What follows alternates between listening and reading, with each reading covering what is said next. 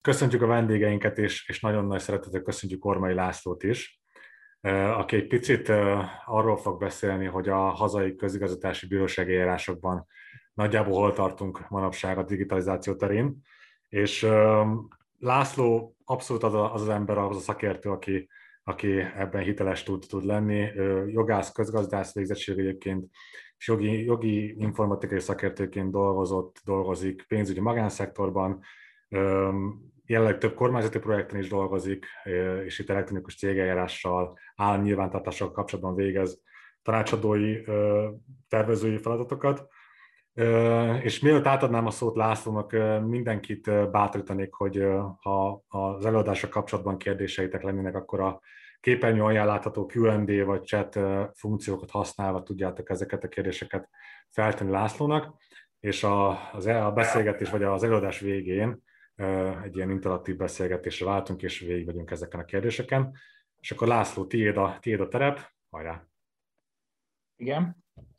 Köszönöm szépen a bemutatást, és én is szeretnék mindenkit üdvözölni ezen a mai kora délutáni napon, és köszönöm az érdeklődést is, hogy ilyen szép számmal megjelentetek ezen a mai időponttal, alkalommal, és annyi technikai információm lenne még, hogyha úgy alakulna itt az, a végén az előadás, hogy a rendelkezésre álló kérdésfelekben nem lenne elegendő az idő arra, hogy megválaszoljam a kérdéseket, akkor ö, ö, nyugodtan lehet majd írni nekem, vagy nem tudom, hívni az elhetőségeimen, ennek a pontos adatait majd látjátok az utolsó szlájdon, tehát ö, akár e-mailben, akár telefonon engem meg lehet a későbbiekben keresni de akkor szerintem csapjunk is vele, hogy ne húzzuk az időt, megpróbálom megosztani a képernyőmet, ha sikerülni fog. Marcel, kélek jelez majd vissza, hogy látható-e, amit most közzé tettem. Mert el... Igen.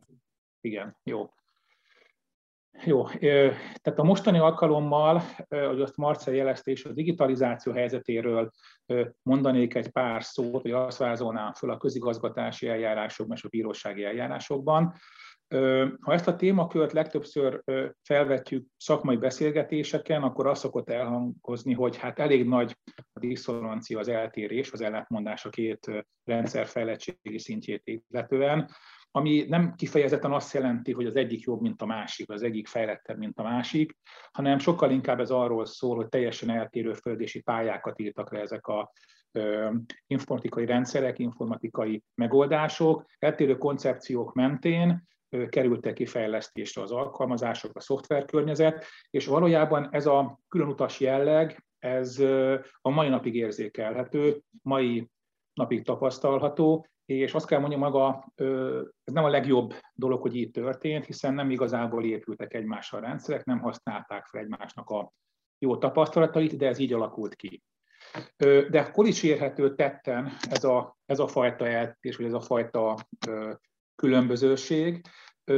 Én azt gondolom, hogy leginkább, hogyha arról beszélünk, hogy, hogy fejlett technikai megoldások, vagy fejlett technikai eszközök, akkor azt tudjuk mondani, hogy leginkább ilyen korszerű technológiai megoldásokkal közgazdatási eljárásokban találkozhatunk. Próbálnék lépkedni a szlájddal, de valamiért nem akarja az igazságot. Pillanat. Igen, na sikerült. Nem tudom, most léptünk? Ah, igen, szuper. Oké. Okay. Tehát, hogyha a korszerű technológiákról beszélünk, akkor inkább én azt tudom mondani, hogy a közigazgatássági informatika az, ahol ez sokkal jobban tetten érhető és nyomon követhető. A bírósági informatikánál ez valamivel szerényebben tapasztalható.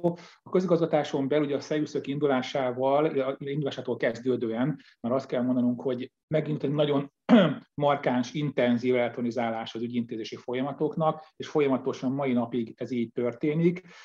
Tehát a, a, most is, a, a jövőben is több olyan megoldási technológián dolgozó közigazgatási informatikusok, amelyek várhatóan új szint hoznak majd a eljárások közé, és ez a fajta folyamatos fejlődés, ez a fajta összehangolt fejlesztés az, ami leginkább jellemző a közigazgatási informatikát, míg az bírósági informatikánál ez, ez olyan felemás, kicsit a ciklikusság az, amit én, én jellemzőként tudnék mondani a bírósági informatiká esetében. Tehát vannak kiugrások, vannak nagyon nagy nekilendülések, aztán ezek többé-kevésbé megtorpannak, ö, elcsitulnak, és majd későbbiekben kerül megint terítékre valamilyen újfajta fejlesztési technológiai megoldás. Ez a fajta ciklikusság, ami jellemzi többek között a bírósági informatikát, ez magával hozza azt is, hogy egyfajta szigetszerű fejlesztések történnek, nem igazából vannak összehangolva ezek a bírósági fejlesztések egymással, szemben a közigazgatási informatikával, és ahány nyilvántartás, annyi rendszer, annyi technológiai megoldás, annyi szoftverháttér, annyi szerkezeti strukturális megbontás jellemző a bírósági informatikát. Ez a közigazgatásban nem igazából így van. Ugye ott, ha nem is vertikálisan, de horizontális szinten valamilyen szempontból azt gondolom, hogy kijelenthető az, hogy mondható az, hogy itt együttműködő, egymással szinergiában működő rendszerekről beszélünk, amelyek között a legtöbb esetben az átjárhatóság is biztosított. A bírósági informatikában ez nem teljesen így van, sőt maga egy eljáráson belül sem képezhető le teljes egészében az elektronikus eljárás, hiszen például a cégeljárásnál is az alapeljárás maga, azt mondhatjuk azt, hogy teljes körülön elektronikus már, azonban másodfokon, vagy a kapcsolódó eljárásoknál már nem minden esetben tapasztalható meg az, hogy elektronikusan mennek az ügyek, illetve ott azért akadályokba ütködik az elektronikus ügyintézés. Pontosan emiatt a anomáliák, emiatt a problémák miatt került arra sor, illetve ezt felismerve döntött úgy a, a, a kormány, hogy idén a parlament elé terjeszti a jogi személyek egységes, vagy jogi személy nyilvántartásáról és eljárásáról szóró törvényt, aminek a hatályba lépése 2023. július 1 időpontra van datálva. Ez a fajta igény, ez a fajta szükség arra, hogy változzon maga a, a jogi személyek nyilvántartása, ezen belül eljárási folyamatok, különösképpen a cégeljárás, de a többi egyéb más állami nyilvántartás, ez a későbbi vonatkoztatható lesz. Én összegyűjtöttem kb. 3-5 darab olyan fontos elemet, hogy mi ez, mi, mi volt ennek a célja, mi a, mi a célkitűzésének a jogszabálynak, ennek a törvénynek, mit kívánnak elérni azáltal, hogy teljesen új alapokra helyezik a többek között a cégeljárást. Egy teljes ilyen horderejű jogszabály csomaggal már nagyon régen találkozott az elektronikus cégeljárás, vagy találkoztunk a bírósági informatikán belül is. Én azt gondolom, hogy, hogy legutóbb, ha a cégeljárásra szűkítjük ezt a beszélgetést, illetve hát erről is fogok a továbbiakban majd azért részleteiben beszélni, akkor azt látjuk, hogy a 2006-os 5-ös törvény a legutolsó olyan nagyobb szabályozási csomag, amelyben formabontó, illetve nagyon újszerű, korszerű megoldások voltak. Tehát most egy teljesen új, új jogi keretekkel találkozunk, melyek mellett hasonlóan a 2008. július 1. etnikus cégeljáráshoz egy része a jogi szabályozás, egy része az, hogy ennek a megfelelő formatot ezt le kell írni, de ezt utána le is kell képezni az infrastruktúra az, az IT szintjére, tehát ezt, ezeket a jogszabályi változásokat egy nagyon intenzív, nagyon masszív infrastruktúrális változás is kísérni fogja. Ezekből valószínűleg többé-kevésbé majd tapasztalnak a felhasználók szintje a jogi képviselők is, meg a egyedi felhasználók is, de ez valójában a háttérben itt szerverekről, különféle alkalmazásokról, szoftverekről beszélünk, illetve magáról az egyes bíróság üteli programokról. Ez a közös jogi keret, ez az időtálló modern technológiai megoldás egyúttal magával fog hozni egy teljesen új eljárásrendet is, amelynek a keretében véletlenül az egységesítés fele fog elindulni ez a folyamat, ezáltal megteremtődik annak a lehetősége, hogy ami jelenleg most még többé-kevésbé fennáll, hogy eltérő alkalmazó gyakorlatokkal találkozunk a bírósági eljárásokban, ez véletlenül meg fog szűnni, és ez kiküszöbölheti majd ez az új jogi személyek nyilvántartás és eljárási rendje. Amellett, hogy jogi keretek, informatikai struktúra és új eljárásokról beszélünk, amellett egy teljesen új nyilvántartás is jön létre ezen törvény alapján, amelyben több állami nyilvántartás is egységesedik, illetve migrálásra kerül. Egy hatalmas feladat, többek között azért is, mert ezek nagyon különböző nyilvántartások, nagyon különböző adattartalommal, nagyon különböző felépítéssel, és emellett eltérő szoftver is működnek legtöbb esetben. Tehát ez egy nagyon ö, ö, bátor kihívás lesz, úgymond, a, az IT számára, hogy ezeket a nyilvántartásokat olyan, olyan tégelybe olvaszt aztán össze, amelyek keretében lehetővé válik az, hogy az adatkinyerés, adatkeresés, az adat az adatleképezés sokkal egyszerűbb, gyorsabb, vélhetően olcsóbb lesz, és ezáltal javulni is fog majd adatoknak a minősége, adatok közötti átjárhatóság. Ha adatokról ejtettünk szót, akkor arra sem mehetünk el, hogy azért az utóbbi években létrejött a Nemzeti Adatvagyon Ügynökség, amelynek kiemelt feladata az, hogy az állami adatvagyonnak a kezelését olyan keretek között oldja meg, ami a hatékonyság, az olcsóság és a, és a precízség és a jogszabályoknak a megfelelés mellett tudna működni. Én azt gondolom, hogy ezzel a közös nyilvántartással, egységes platformon vagy egységes struktúrába helyezéssel ennek is megteremtődik az egyik legfontosabb alapja, a legfontosabb eszköztára. És itt kiemeltem magát az automatizált döntéshozatalt, mint a, a jogi személyek nyilvántartásáról szóló törvény, vagy csak röviden jeszeny törvény esetében már előre indukált eljárásokat, azért is, mert ez egy döntő változás fog hozni a bírósági eljárásokban, a cégeljárás tekintetében, ami érdekesség, hogy ez is már most is tetten érhető, de hogy hogyan azt, arról majd a későbbiekben beszélek, csak nem működik olyan globálisan, mint ahogy ez majd 2023. július 1 működni fog. És nyilván mi minden törvénynek, ugye jeszentőbbnek is az a célja, hogy kiváltsa, felváltsa a korábbi jogi szabályozásokat, és ezáltal hatályon kívül helyezze az egészen addig még működő cégtörvényt, illetve a civil nyilvántartásról szóló törvényt. És ha ma itt a cégeljárásról fogunk a továbbiakban beszélni, én most a következőben azt szeretném felvázolni, hogy honnan indult maga a cégeljárás, nagyon röviden, hol tartunk most, és milyen kitörési pontjai vannak a cégeljárásnak, hol található meg ennek a, ennek a, a lenyomata a Jeszen törvényben, és adott esetben ez mennyire illeszhető be a nemzetközi vagy európai gyakorlatba. A cégeljárásról röviden beszélnék csak az idő szűke miatt. Öt elemet, öt fő mérföldkövet emeltem ki a cégeljárás történetéből. Az 1990-es évektől tudnám leginkább datálni magát az elektronikus nyilvántartást, mint cégjárásunk egyik alapelemét, amikor is megkezdődött, vagy elindult a cégbíróságokon a cégjegyzék elektronikus vezetése.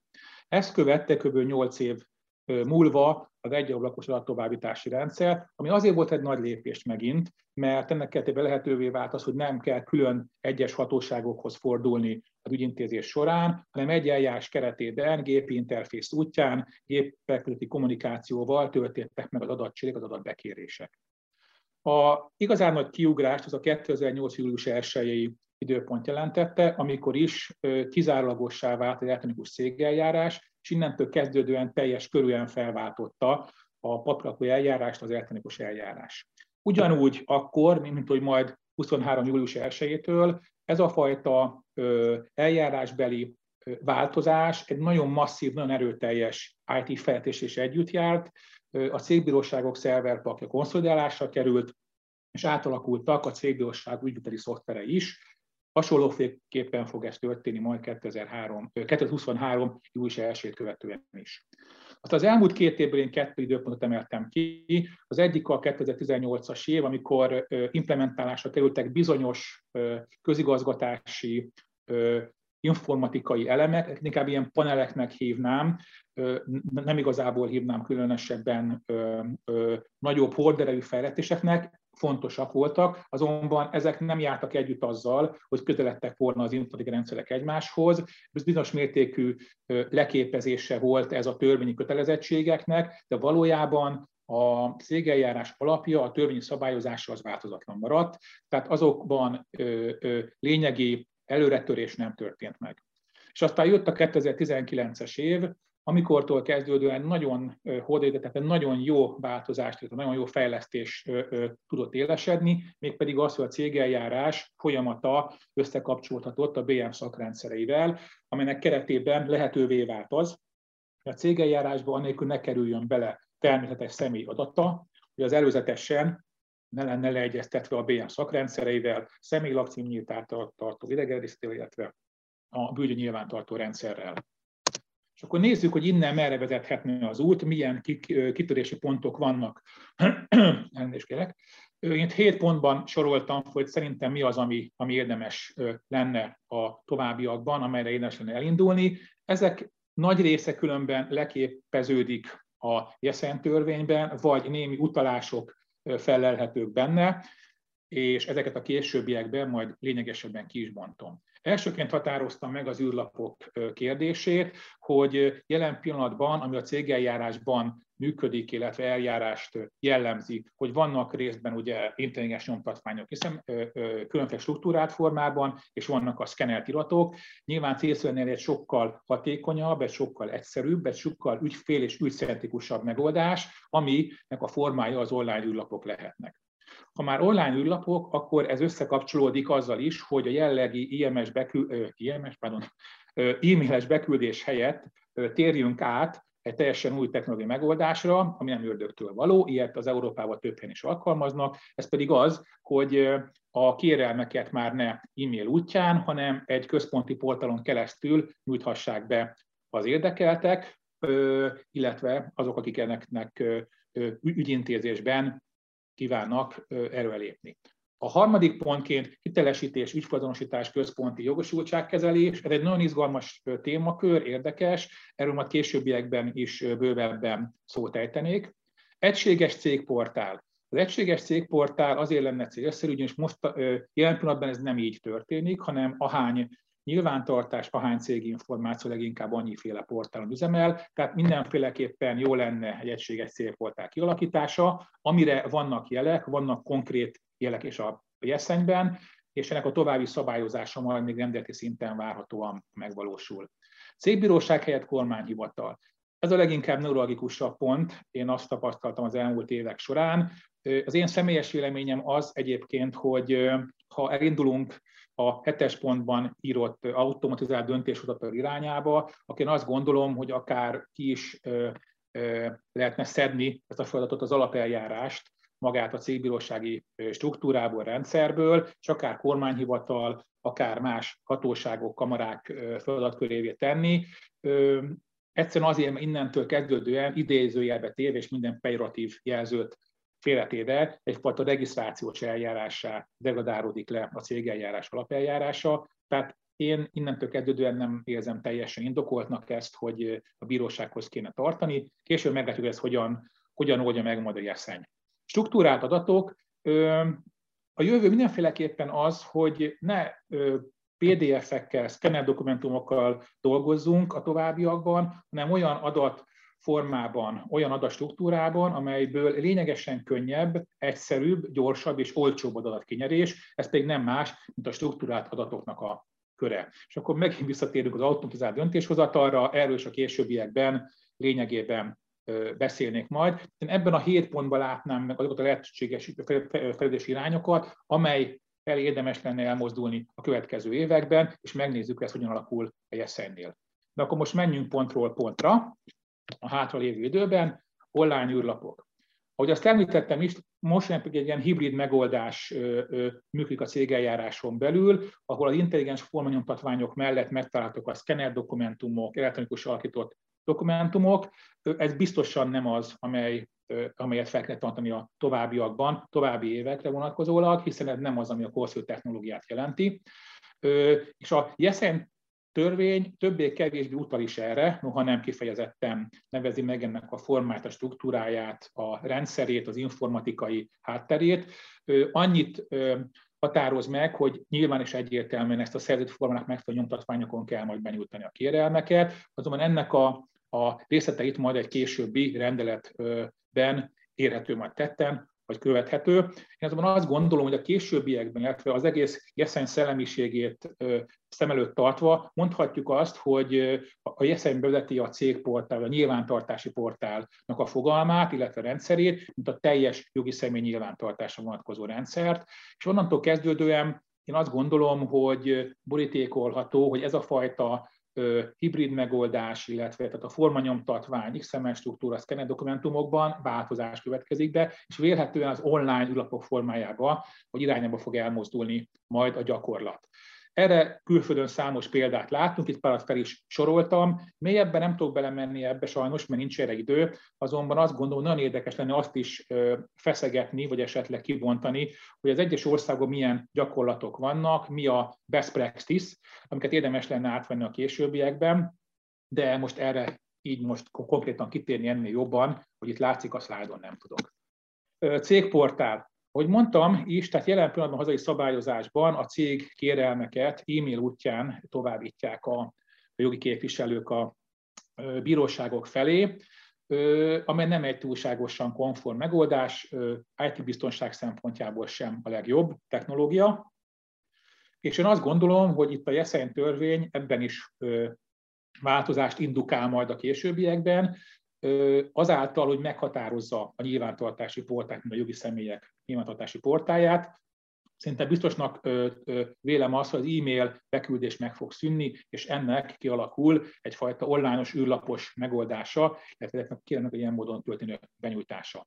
Erre is külföldön számos példát találunk. Mondhatjuk azt, hogy ha online cégeljárásról beszélünk külföldi országokban, az egyben magába hozza a központi cégportált is. Azonosítás, vitesítés, jogosultságkezelés. Na, egy izgalmas téma.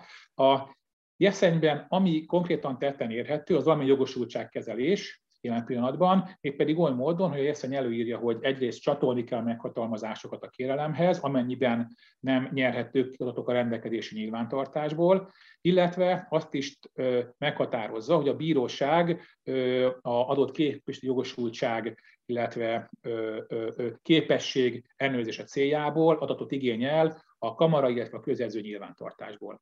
Ez a kettő szerintem nagyon izgalmas és nagyon jó dolog, azonban nem tér ki a jeszeny arról, hogy hogyan azonosítjuk az ügyfeleket, és milyen dokumentumtesítési megoldásokat fog alkalmazni a jövőben az e eljárás.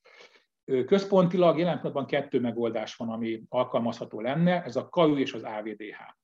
A KAU-vel az a probléma, hogy leginkább egyfaktoros azonosítás, tehát itt a felhasználó jelszó névvel nem azonosítható be egyértelműen az ügyfél, hanem ez bárki vitorolhatja ezeket a hozzáférés adatokat, illetve hozzáférési paramétereket. Ha bármelyikünk elmegy egy könyvelőirodába, ahol több cég számára könyvelnek, tapasztalni fogja, hogy valamennyi könyvelőirodában az alkalmazottak tudják a céges vezetőknek a bejelentő adatait, egyszerűen azért, mert ők végeznek életű műveleteket, amit a, a cégvezetőknek kellene. A másik a dokumentumhitelesítés. Ugye központilag jelenleg az AVDH mi megoldásként funkcionál, ez azonban nem igazából EIDAS kompatibilis. Tehát nem felel meg, nem biztosítja a saját kezűséget sem, itt nem is azonosítja magát az adott szemét teljes körűen, illetve teljes biztonsággal, aki a dokumentumot beküldi, vagy éppen eljárás kíván indítani. Én azt gondolom, hogyha a Jesszen a továbbiakban nagyon infrastruktúrát kíván kiépíteni, és egy nagyon jogi szabályozás keretében biztosítja majd egy időtálló technológiai megoldásokat, akkor ezen a kettő problémám nem szabad úgy átsiklani, az azonosítás és a hitelesítésen, hogy ne foglalkozza ezzel kellő mélységgel a jeszeny, és ha már a kajó az AVDH irányába akarja eltorni úgymond a talicskát, akkor viszont ezt olyan módon kell megtennie, olyan módon felvételizni ezeket a rendszereket, ezeket az alkalmazásokat, hogy tényleg azok teljes körűen megfeleljenek a európai követelményeknek, és egy szerzőst ne csak itt országon belül legyen hivatalos, vagy nem tudom, hitesített szerződés, hanem nemzetközi viszonylatban is lehessen akár AVDH-val szerződéseket aláírni. Külföldi szabályozásban is ezzel találkozhatunk, tehát ugyanúgy megtalálhatók ezek az elemek, a központi hitesítés, a központi azonosítás, tehát ebben sem ö, ö, ö, alkotnánk forradalmit, nyugodtan lehet bárhova a példák után nyúlni. A következő egységes cégportál. Egységes cégportál jelenleg Magyarországon csak a cégnyilvántartás, és ez a céginformációt, hogyha nézzük, tömegével van. Tehát ugye hat darab különböző cégportál üzemel. Felesleges, időt rabló, teljesen különböző a design, teljesen eltérők a domének, nincs értelme ennek, sokkal jobb lenne egységes, közös portálát berendezni valamennyi nyilvántartást érintően a adatokat, illetve adatok hozzáférésének a lehetőségét. Erre sincsen konkrét utalás a Jeszenyben, azonban azt gondolom, hogy mivel a korábbi pontokban tettem azt, hogy a Jeszeny kimondja azt, hogy egy központi portál lesz valamennyi jogi személy nyilvántartásának, én azt vélelmezem, hogy ebben a portálban lesz gyűjtőportálként bemigrálva valamennyi olyan információ, adat, amire esetleg most szükség van, vagy, vagy szükség lehet, és jelenleg még külön portálokon üzemelnek. Erre is találkozunk külföldi példákkal, tehát itt is lehet nyugodtan megnézni más országoknak a gyakorlatát. Cégbóság helyett kormányhivatal. Igen, ez a leginkább érzékenyebb pont. Itt a jeszeny eléggé egyértelműen fogalmaz, ő továbbra is a jellegi rendszert fogja fenntartani 23. július 1-től kezdődően, vagyis a törvényszékekhez fog tartani mind a cégnyilvántartás, mind a cégeljárás. És innentől kezdődően azt gondolom, hogy valójában nincs miről beszélni, hogyha azt nézzük, hogy merre induljunk tovább, hiszen nem kerül ki a bírósági szervezetrendszeréből maga az alapeljárások sem, hanem bent tartja a bíróság. Attól függetlenül, hogy szerintem erre lehetőség nyílna, amire külföldi példák is vannak, ahol részben van, ahol bírósági szervezetrendszer, van, ahol a kamarák vagy a különféle más hatóságok foglalkoznak cégnyilvántartással. Én azt gondolom, hogy itt is lehetett volna bátrabb a jogalkotó, de ezt valamiért most így nem lépte meg. Struktúrált adatok. Ebben sincsen konkrétulás a jeszennél, a Jeszen törvényben, az azonban kijelenthető, hogy jelen pillanatban még ez egy, ez egy különböző mixelt állapotról beszélünk, hogy vannak ugye a XMS struktúrák, és vannak a PDF iratok, és ugyanakkor a JESZ egy egyutalást tartalmaz, mi pedig arra vonatkozóan, hogy a jogharmonizáció záradékában hangsúlyozza azt, hogy ennek az új nyilvántartásnak meg kell majd felelnie valamennyi európai tanács és parlament irányelvnek, és konkrétan megjelöl a digitális irányelvet is, amely viszont előírja azt, hogy 2023. augusztus 1-től kezdődően a tagállami szinten a cégnyilvántartás adatokat vagy struktúrált módon, vagy kereshető módon kell nyilvántartani. De azt gondolom, hogy maga az uniós irány is abba, abba, abba a mezőben mutat, ahol érdemes lenne elgondolkodni azon, hogy a struktúradatokon térjünk át a jelenleg iratokból, és ebbe az irányba toljuk tovább a fejlődést. És akkor végezetül az automatizált döntéshozattal, amiről még szót tehetnék, ami mond, mondtam, jelenleg is működik, jelenleg is fennálló opció Magyarországon jogi szabályozás szerint. Azonban mondhatjuk azt, hogy erre van lehetőség, azonban valójában ez csak a kivételes gyakorlat az, ami lehetővé teszi, és egészen addig, amíg a bíróság a rendelkezésre álló határidőn belül dönt egy ügyben, addig ez nem lép érvénybe, vagyis csak abban az esetben van lehetőség automatizált döntéshozatal ilyen pillanatban, hogyha a bíróság valamennyi rendelkezésre álló törvényi határidőt elmulaszt.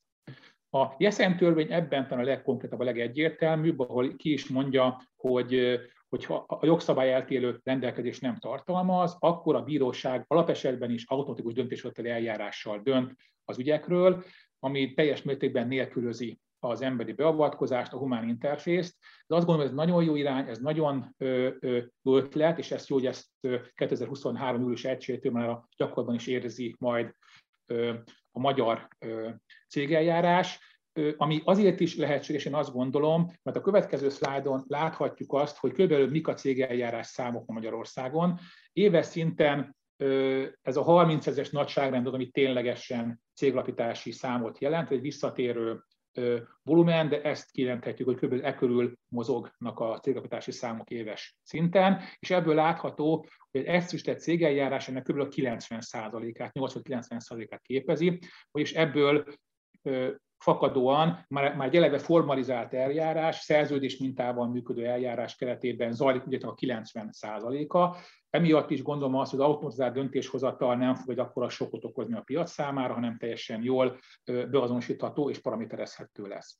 És akkor körülbelül még egy, még egy statisztikai számot szeretnék bemutatni. Az élő cégek száma, ezek most jelent a tavalyi adatok, a tavalyi év végén 515.953 darab élő cég volt a cégnyilvántartásban, most jelen pillanatban kb. 520-530 ezer darabszám körül mozog, és, és, és szerencsére elenyésző hibás kérelmek száma. Tehát azt tudom mondani, hogy ilyen téren is vélhetően nem fog problémát okozni a automatizált döntéshozattal, hiszen jelenleg is nem találkozunk brutál mennyiségű adat, mennyiség adathibákkal, amikkel sokkal kevesebbel.